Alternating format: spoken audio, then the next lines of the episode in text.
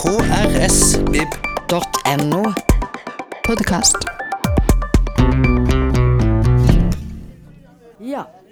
Hei og hjertelig velkommen. Jeg holdt på å si til fredagslunsj, men jeg sier hei til Bjørneboe-dagen.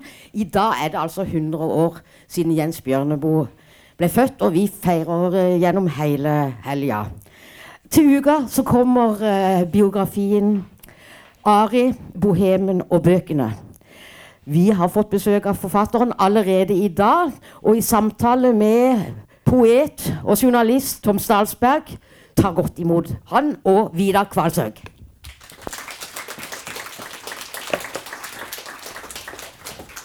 Hei, hei. Hei. Som i går så er det Jeg må starte på samme. Ja, fordi at det er å være med i en scene av Margaret Atwood der, altså med, Hvis dere har sett 'Handmaid's Tale', alle bare sitter på rad og rekke.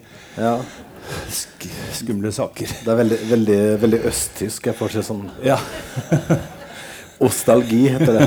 Hvis du har nostal nostalgi til det østtyske. Men er det en biografi du kommer med? Nei, ikke helt, men, men uh, hva annet er det da, ikke sant? Ja. Du må jo si det. Så Nei, det er en bok om, en, uh, om et forfatterskap. Uh, og det er en del av en del biografisk materiale i det, men det er ofte det han har skrevet om sjøl i sitt andre dikteriske forfatterskap. Da, sånn at Vi prøver å ikke kalle det biografi, fordi det blir, det blir for mange forventninger til ja, barndom, ekteskap, død, alle disse tingene som all annen media dekker veldig godt og veldig ofte. Og så får vi ta oss av det litterære. Ja, for denne, den heter jo 'Bohemen og bøkene' i en versjon. Og du øh, Jeg har jo vært såpass heldig, for den, den kommer til uka. Jeg har lest manus, og det, det er jo det som på en måte er interessant, i hvert fall syns jeg er mest interessant, som du har dvela mest med, er jo hans forfatterskap.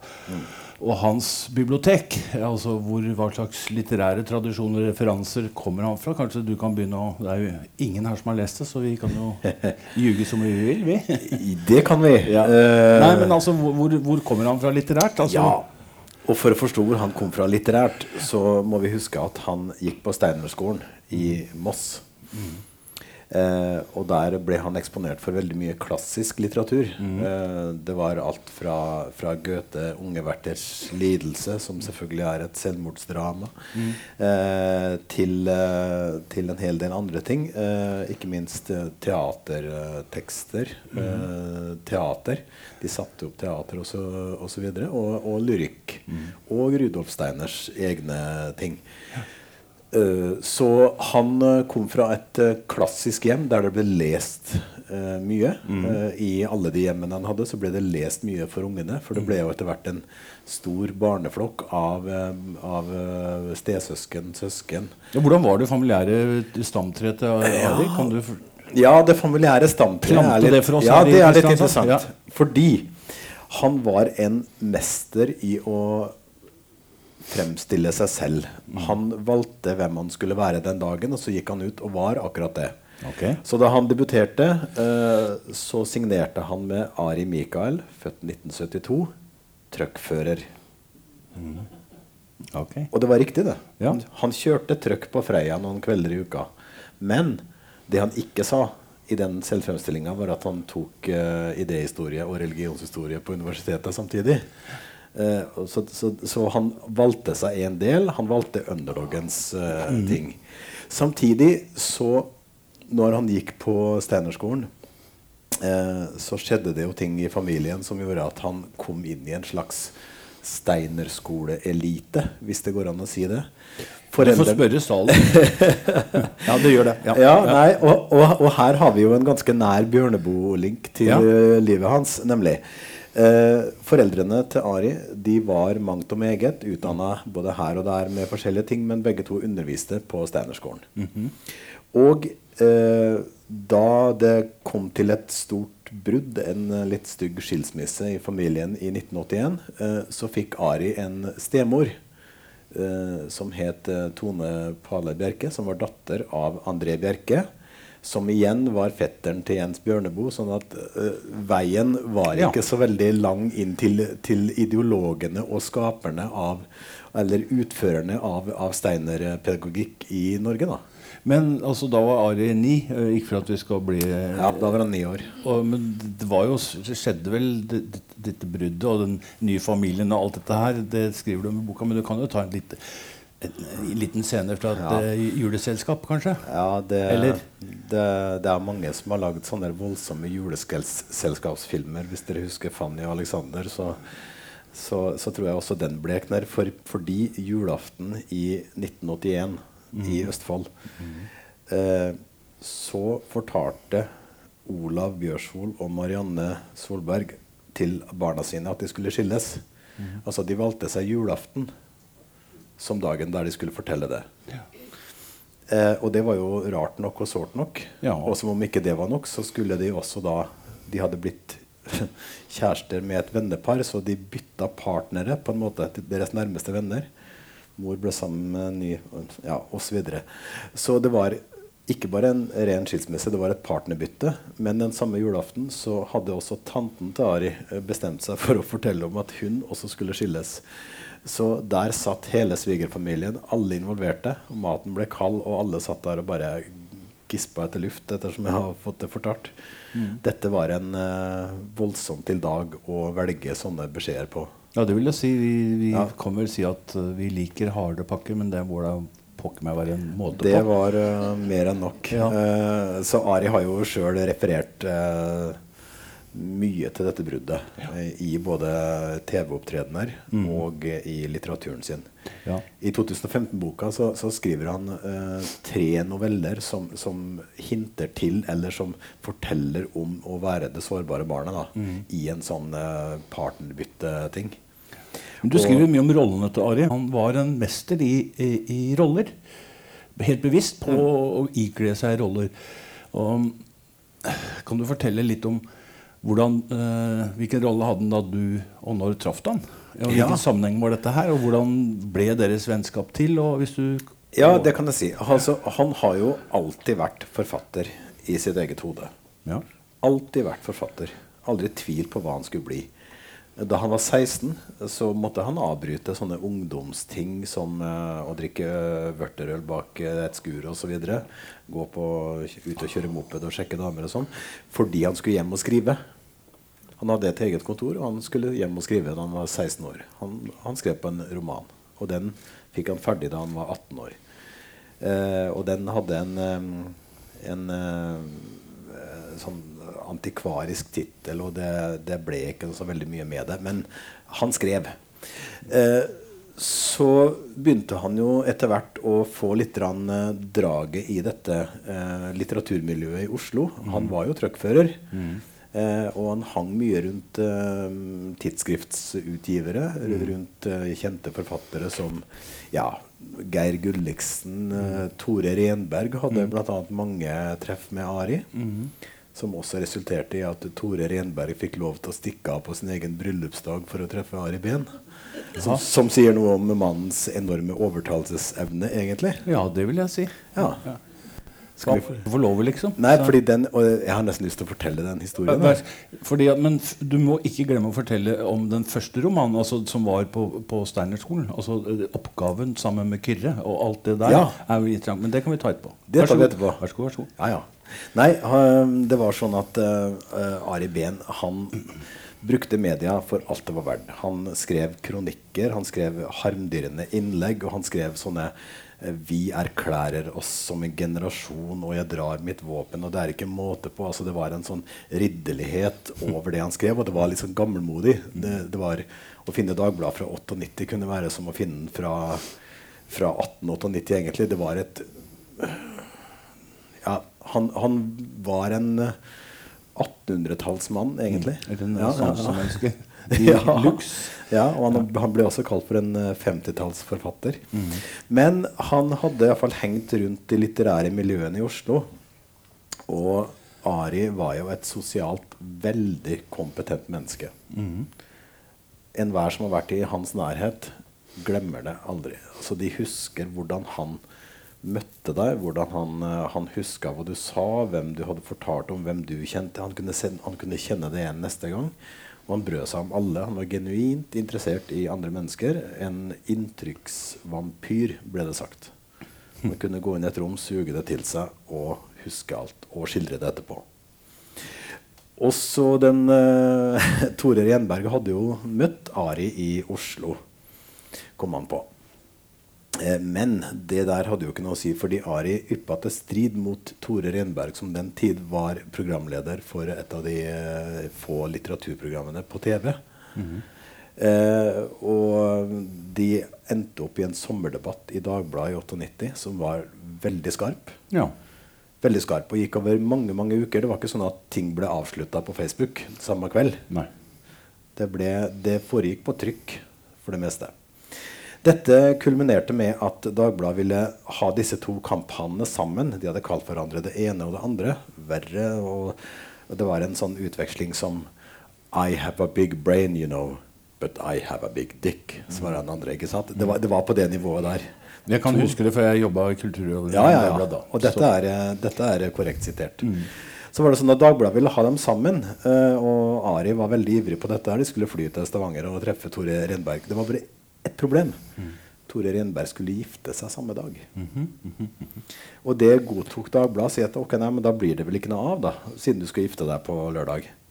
Men det godtok ikke Ari. Han ringte rett til Tore Renberg og så sier han, du, hør nå her. Nå gjør du det sånn, og så stryker du skjorta, og så springer du av halvannen time og møter meg, og så går du tilbake til festen din. Og det er sånn eh, opplegg altså, Du har ikke lyst til å gjøre det når du skal gifte deg. Men eh, Tore Renberg han tenkte på det i to sekunder, og da huska Tore Renberg at en gang så hadde han og hans tilkommende vært på et selskap i Oslo.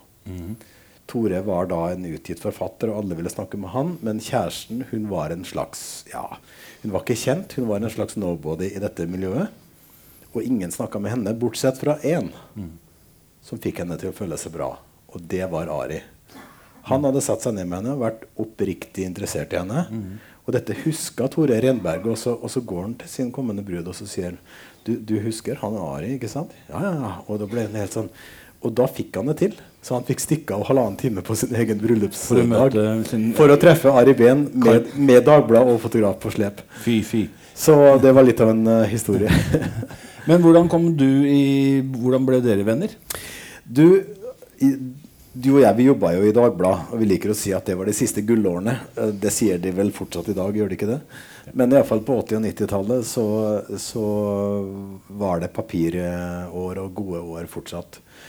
Jeg satt på vakt der en kveld. Da ringte det en telefon. Og jeg var ung og vant til at mye av det som ble satt over til meg, det var enten gærninger, altså de som er på internett i dag, eh, som skulle kjefte. Eller jobber i Dagbladet i dag? Ja. Eller, ja, eller, eller jobber i Dagbladet i dag. Ja. Eller eh, noen som skulle ta opp en sak med en gangvei lokalt. Eller, altså, det var i hvert fall stort sett bare kjeft å få når du jobba i, i Dagbladet den tida der. Og det ringte fra et fasttelefonnummer, fra Østfold-nummer, så jeg tenkte nei, det her jeg, jeg må bare ta han, da. Men han skulle snakke med meg, og han var en høflig uh, kar. En sånn som man blir litt sånn betatt av med en gang. Og han skrøt akkurat passe, og han visste hva jeg hadde gjort. Og det var én artikkel om en forfatter han skulle snakke om, og det var ikke måte på. Så, så han lurte på om jeg kunne treffe ham neste dag, og det kunne jeg òg. Så vi, jeg dro på Kunstnernes hus, og der kommer det inn en kar. Og det var klart, Jeg kunne jo ikke gå på nettet for å se hvem han var, og så sjekke ham. Det var før Facebook, og det var før alt.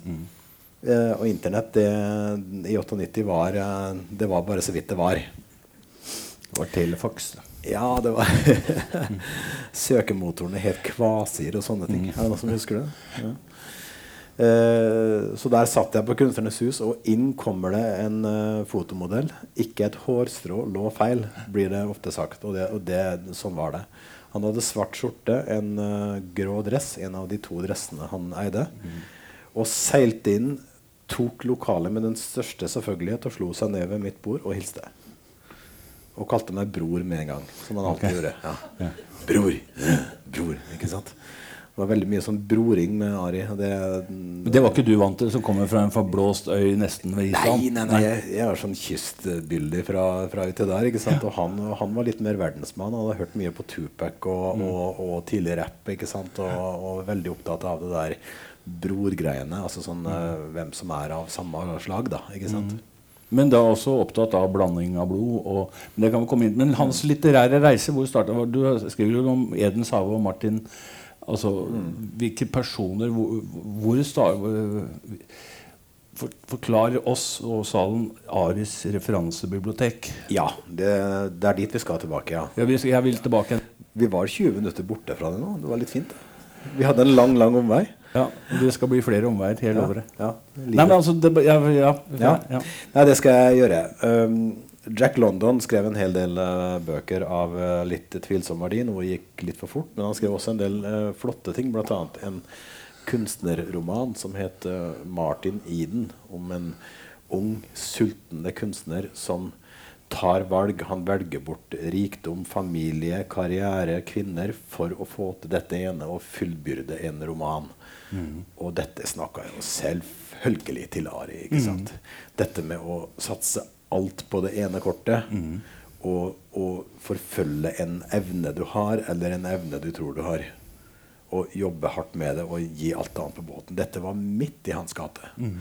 Akkurat som, eh, som disse mm, beat-poetene borte mm. i USA som begynte å dukke opp tidlig på 50-tallet. De var vel egentlig den første virkelig store ungdomsgenerasjonen i USA som mm. kunne være ungdommer, ikke bare sånn uh, unge, unge, voksne i slips som sine fedre. Vi er jo virkelig en by som har beat-kulturen. Det har vi. Ja. Det snakka vi om i går. Mm. Det, det, var interessant. Mm. Men beat-kulturen bor i Kristiansand. Dere mm. kjenner kanskje den samlinga som uh, legen Reidar Vennesland ja. hadde med seg. Og den har jo vi to vært fascinert av. Veldig. På samme vis som Ari var veldig fascinert over disse beat-poetene. Ja. Uh, den der livsutfoldelsen de hadde, at de ga alt. Det var den der, det kom, de kom samtidig med rocken. Mm. De varte en stund, og de, de, tok for seg av substanser og rusmidler. Og av at det var, det var en friere seksualitet. De hoppa på tog. De levde så romantisk. Og så var det egentlig bare ja, Det var etterkrigsgenerasjonen. Ja, og, så, og, så, var dette egentlig bare 20 år før han sjøl var født. Så mm. det, var jo, det, var jo, tett. ikke sant? Tett historisk, ja. Ari er født i 72, og dette, dette starta i 1,52. Så det, var, det passa så bra. Jeg så en, en politisk uh, reklame fra 50-tallet i USA. så det var, var sånn stor liksom, Du må ha alltid ha en kylling i gryta, to biler i garasjen. Altså, det er jo et haiku-dikt, det. Altså. men, og, men, den on the road-kulturen mm. Nå hopper jeg langt frem i tid, for det, jeg ville dit, for det glemte jeg i går. Jeg beklager. Uh, han dro jo på tur og skrev, og ble vel uh, ikke pent behandla av anmelderne. Altså. Nei, han dro på en sånn pilegrimstur ja. sjøl. Uh, eh, og da dro han til Marokko. Mm -hmm. Til Tanger som da var en, eh, en blitt en ganske eh, en ganske skummel by. fordi det er jo et sånn knutepunkt der oppe i Nord-Afrika med Gibraltarstredet på ene sida og, og, og, resten av Marokko bak seg der. Der eh, med, med havn osv. Der det samla seg en del tvilsomme mennesker. altså Alt fra menneskesmuglere til dopsmuglere. Mm. altså Det var et sånt sentrum for mange rare ting. Mm. Og eh, forfatteren Paul Bowles mm hadde flytta dit. Og Ari var hodestups forelska i han fordi Paul Bounce hadde skrevet en eh, roman som het 'Med himmelen som tak'. Mm. Og den handla selvfølgelig om en ung forfatter som gir alt for å kunne skrive den perfekte romanen. Altså, mm. Sånne bøker mm. det kunne du komme til Ari med, og han leste dem, og han elska dem alle. Uh, for det tangerte livet hans. Mm. Så Ari skulle på pilegrimstur dit. Uh, dro til Marokko, ble der knytta varige vennskap med minst to mennesker der. Mm. Han ene kom også til bisettelsen hans. Ja. Uh, en ung, fortapt sjel som Ari banka på døra til, og som uh, ble en karakter i den romanen mm. som Ari ga ut fra de årene. Ja. Og jeg har um, kommet over et brev som han skrev hjem i, på nyttårsaften 1997. Der forteller han om en uh, spesiell dag denne romjula. Og det han forteller på den halvsida i det håndskrevne brevet, det er akkurat det som blir handlinga og karakterene i romanen 'Bakgård', som kommer seks år seinere, altså i 2003. Mm. Når han er godt gift med Märtha mm. og har brukt seks år på denne boka. Fordi alt i Aris uh, virke pekte fram mot den boka der. Mm. Han skrev jo først 101 historier som til slutt ble kokt ned og ned og ned og ned til å bli trist som faen mm. i 1999. Men det var bakgård som skulle bli den store boka. Ja. Men det ble heller en stor nedtur for ham. Mm. Hvordan tok han det? Hvordan var han på Altså Han var jo utrolig til å se øh, mennesker, snakke med mennesker i positiv energi. Mm. det er lov å si det? Ja. Ja. Og så fikk han vel en del anmeldere som brukte veldig mye annet enn akkurat det litterære mot ham. Særlig når han gifta seg inn i, i Det norske kongehus og var den han var. Mm. Eh, det var jo ikke alltid like rettferdig litterært sett. Eh, Nei, det min som... påstand er jo at det ble nesten umulig for ham å bli anmeldt som forfatter. Eh, når han eh, hadde den familie... mange lag du skulle gjennom. Ja, Ja. De, de lagene. Du var kongens svigersønn, du var gemal, du var alltid på et eller annet bryllup ute i Europa. Og ble avbilda i den type presse som ikke bryr seg om litteraturen.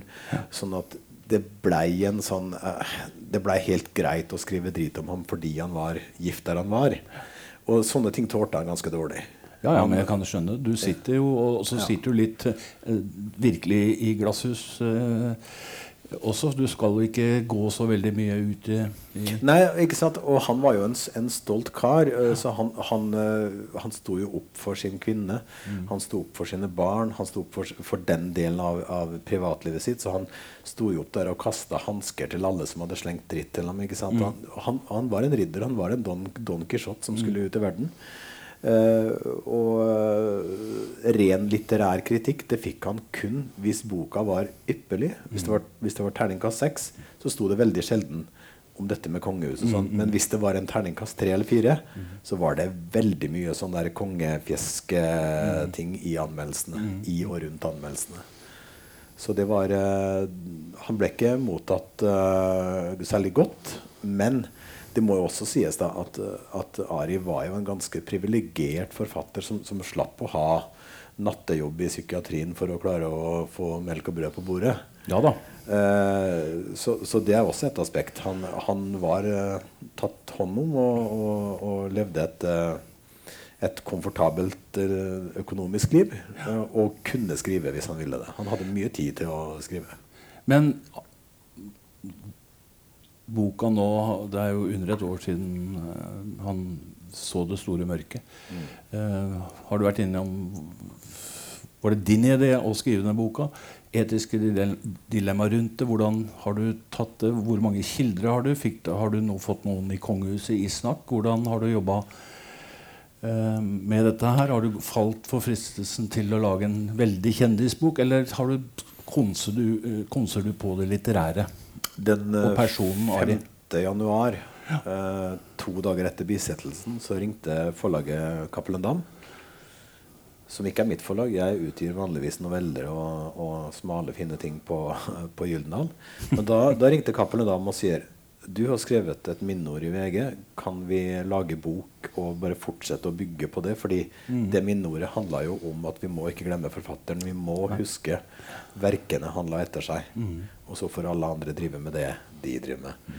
Så det var helt uh, klart at fra den 5. januar så skulle det bli en bok som handla om bøkene og 25 år med et hurlum hei i norsk offentlighet som, som faktisk er ganske lett å, å glemme. Fordi, fordi vi, altså, det skjer jo så mange ting nå.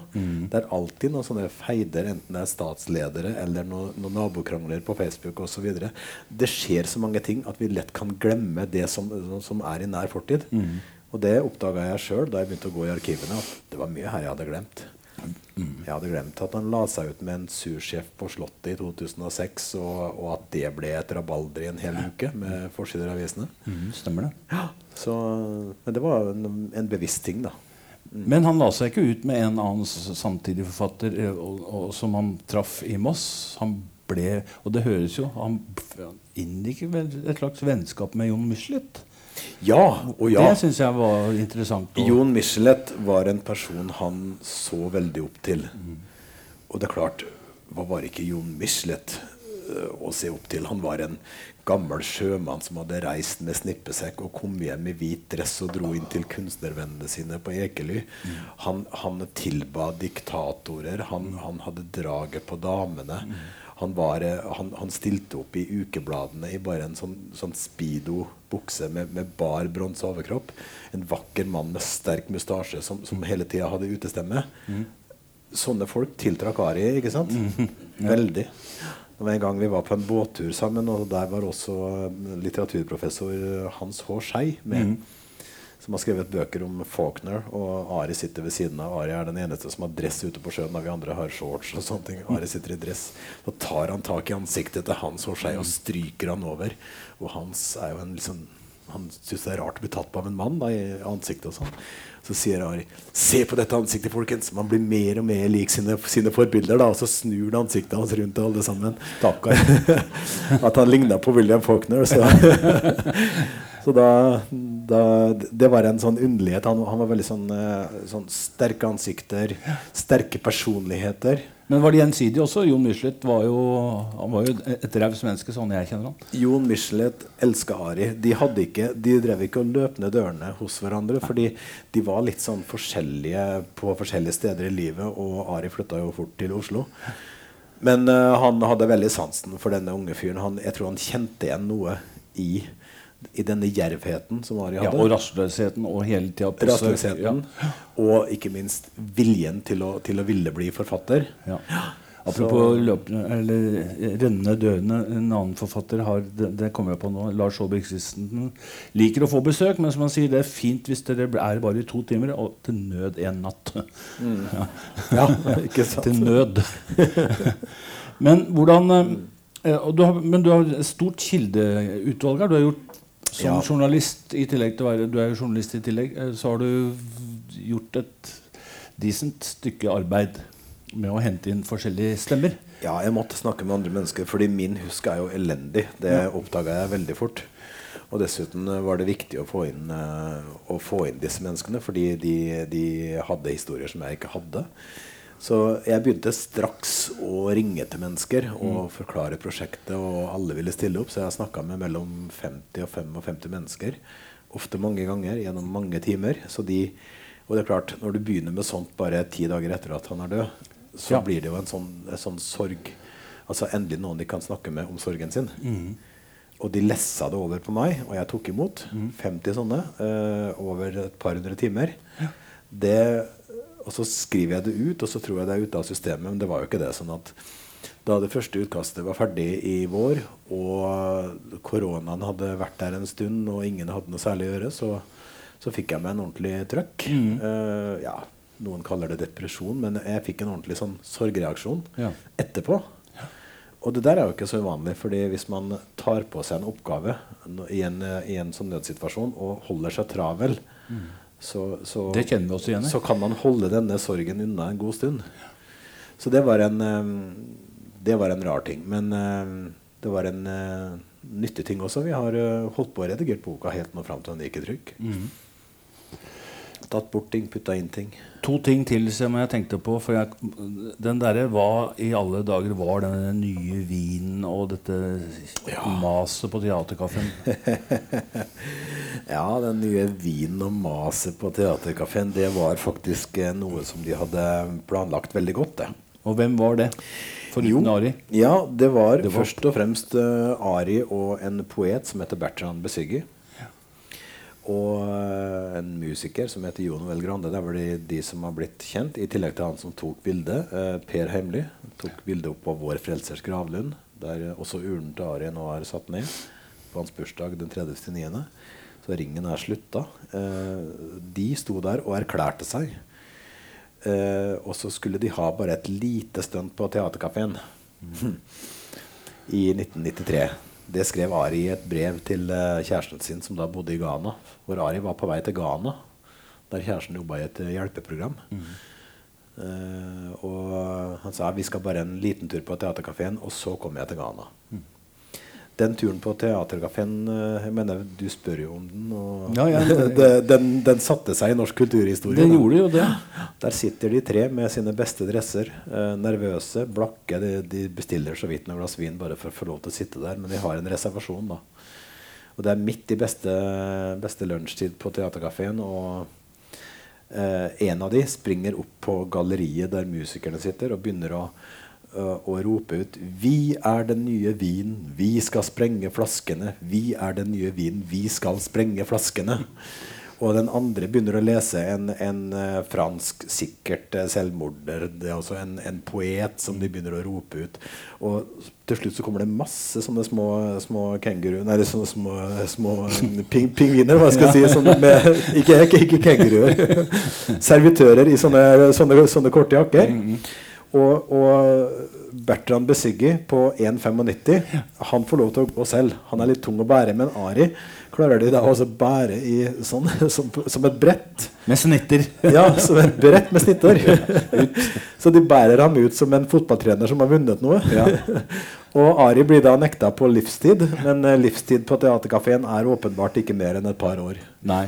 Nei. Og det ordna Og eh, så han kom seg til Ghana også. Han kom seg til Ghana. Ja. Mm. Han, ble, han fikk ikke inndratt passet heller. Nei. Nei. Eh, minnestunden, ja. vil du innom det? Eller eh, før det Hans Han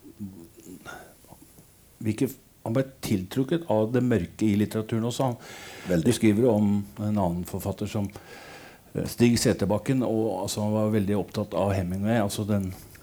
Den psykologiske delen der, altså Var dette noe som Snakka han mye om det? Var ja, det veldig, han, mye, Ja. veldig mye opptatt av den der eh, Altså selvmordet som en vei ut, som en, som en valgt vei ut, som en mulighet. Mm. Og selvfølgelig da eh, mest selvmordet i litteraturen. Eh, Ja, ja. sant? Det, var, det var jo hele tida det. At man kunne velge sin utgang altså som et filosofisk prosjekt. Eh, han snakka aldri om selvmord for sin egen del. Nei, jeg tenkte på det litterære. Ja, ja, ja. Det, det, og det er litt viktig å, å få fram. Uh, og han skrev mye om selvdrapet. Mm. spesielt i den Inferno-boka som kom i 2018. Så er han jo enormt detaljert. Skrekkelig detaljert om, uh, om ting. Hvordan det kan utføres. Han var opptatt av uh, harakiri.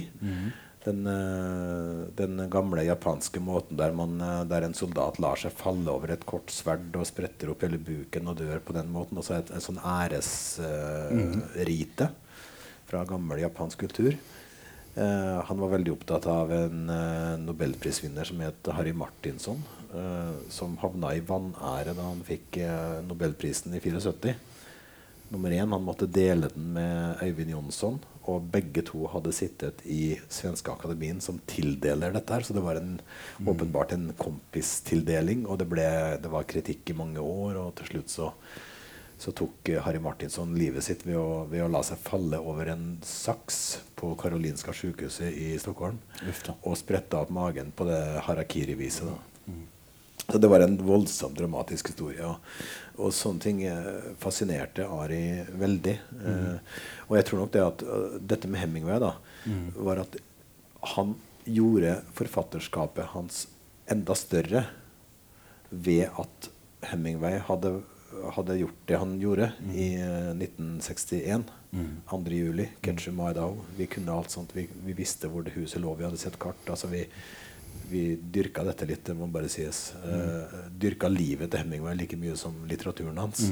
For det var jo også sånn én til én. Og Nick Adams i alle disse historiene, det måtte være Hemingway. ikke sant? Mm. det viste seg det var jo det delvis. Så det var en sånn, eh, det var en sånn eh, ja, Om ikke usunn, så iallfall en fryktelig nysgjerrighet på uh, hvor mye av livet sitt legger man inn i litteraturen sin. Eh, for uh, Hemingways del så var det en del i alle fall erfaringen han hadde. Og for Ari Behns del så var det ganske mye. Han la mye av livet sitt inn i litteraturen. Vær så god. Ja.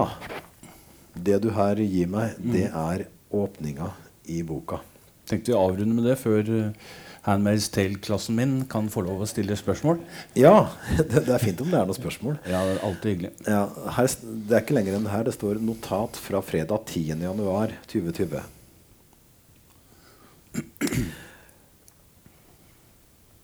Etter nær fire strake timer i telefon med venner som sørget over deg på de mest hjerteskjærende vis, måtte jeg til butikken etter alt til taco. Du vet de greiene som tråkler en familiefredag sammen. Da dukka du opp. Vi spaserte et stykke oppover Maridalsveien sammen. Og jeg spurte hva slags forfatter var du? Et null og niks. En klovn, sa du. Nei, svar skikkelig, sa jeg. Ok, bror, hva med Jeg ville for mye. Nei, jeg ville alt. Skriv det. Det er bedre. Hva slags stil skal boka ha, syns du? Nei, ta deg sammen da, din bonde. Skriv alt som det var. Rett på. Rett fram. Smakk. Så det tåler du. Ja, jeg kommer tilbake og danser og kjefter litt hvis det blir for mye. Eller for lite. Du vet at det er like ille, ikke sant? Nei, det er verre. Verre er det hvis det er for lite. Kjære venn, denne boka har betydelige mangler, og den gjør deg sikkert urett. Den smisker, den gjør seg til, og den viser folk bare små fragmenter av hele bildet. Men jeg kliner til, og det ville du likt, ikke sant? Så det er åpninga. Og jeg sendte den til et par av vennene hans, og så var det en av de som sa når, når skrev han det? så, så det, det, var bare sånn for å sjekke litt, og da tenkte jeg da er det greit, da tar vi det med. Ja, jeg synes det er en fin åpning. Hva slags litterært ettermæle vil du gi Ari Behn? Han fornya eh, den norske måten å skrive noveller på eh, da han kom. For hvordan var den før? Nei, den var jo Nå begynner vi på nytt. Ja, ja, ja, ja, Den norske novellen. Ja. Skal vi ta det foredraget nå? Ja. Nei da, det To- var, to timer. det var så mange ting, men, det, men eh, de var ofte mellom, mellom 10 og 20 sider. Og, og alle som har gått på skolen, vet jo det at man skal tolke en novelle. ikke sant? Man kan ikke bare lese den og like den eller lure på noe. Man skal tolke den, man skal finne hvor er bruddet, hvem er hvem, og, og alt det der. Så det gjør jo liksom at kanskje ikke så mange leser noveller som de burde, men Ari sine, da de kom i 99, så var de veldig tilgjengelige. Og trist som faen, boka har solgt over 120 000 eksemplarer hittil. Det betyr at det er veldig mange mennesker, kanskje mange i salen her òg. Hvor mange er det som har lest den boka? Oi. Ja, se her. Det var noen. Flere enn de som tar tyske valgfag. Ja. Ja. Eh, det er mange der som, eh, som eh, har lest noveller kanskje for første gang. Og kanskje de ikke tenkte at det var noveller de leste. Så han, han gjorde novellen tilgjengelig. og jeg syns han ble bedre og bedre novellist i løpet av de tre bøkene, som da gikk over ja, ca. 16-17 år. Så kom det tre novellesamlinger. Og så er det tre romaner som, eh, som jeg syns dalte i kvalitet, og jeg syns novellesamlingene steg i kvalitet. Så han hadde et to Så har han vel en novellesamling altså Det er en, postum, altså en utgivelse på gang, eller er hvordan? Eller er, Ja, det, han har levert en novellesamling eh, som forlaget jobber med. Det var det de jobba med da de møtte ham i oktober. Eh, den kommer ikke ut i år, men det er grunn til å tro at den kommer ut. De har jobba ganske lenge med det. Og, ja. Men da skal jeg også avrunde med at Vidar er en eh, meget habil og god novelleforfatter som i år har fått Bjørg Vik-prisen. Da syns jeg vi avslutter med det, og en applaus til Vidar Kvalshaug. og tusen takk for at dere kom. Tom Stalsberg. Tusen takk. Flere podkaster fra oss finner du på Google Podkast, Apple Podkast eller iTunes, eller ved å stikke innom vår hjemmeside på krsbib.no. krsvib.no podkast.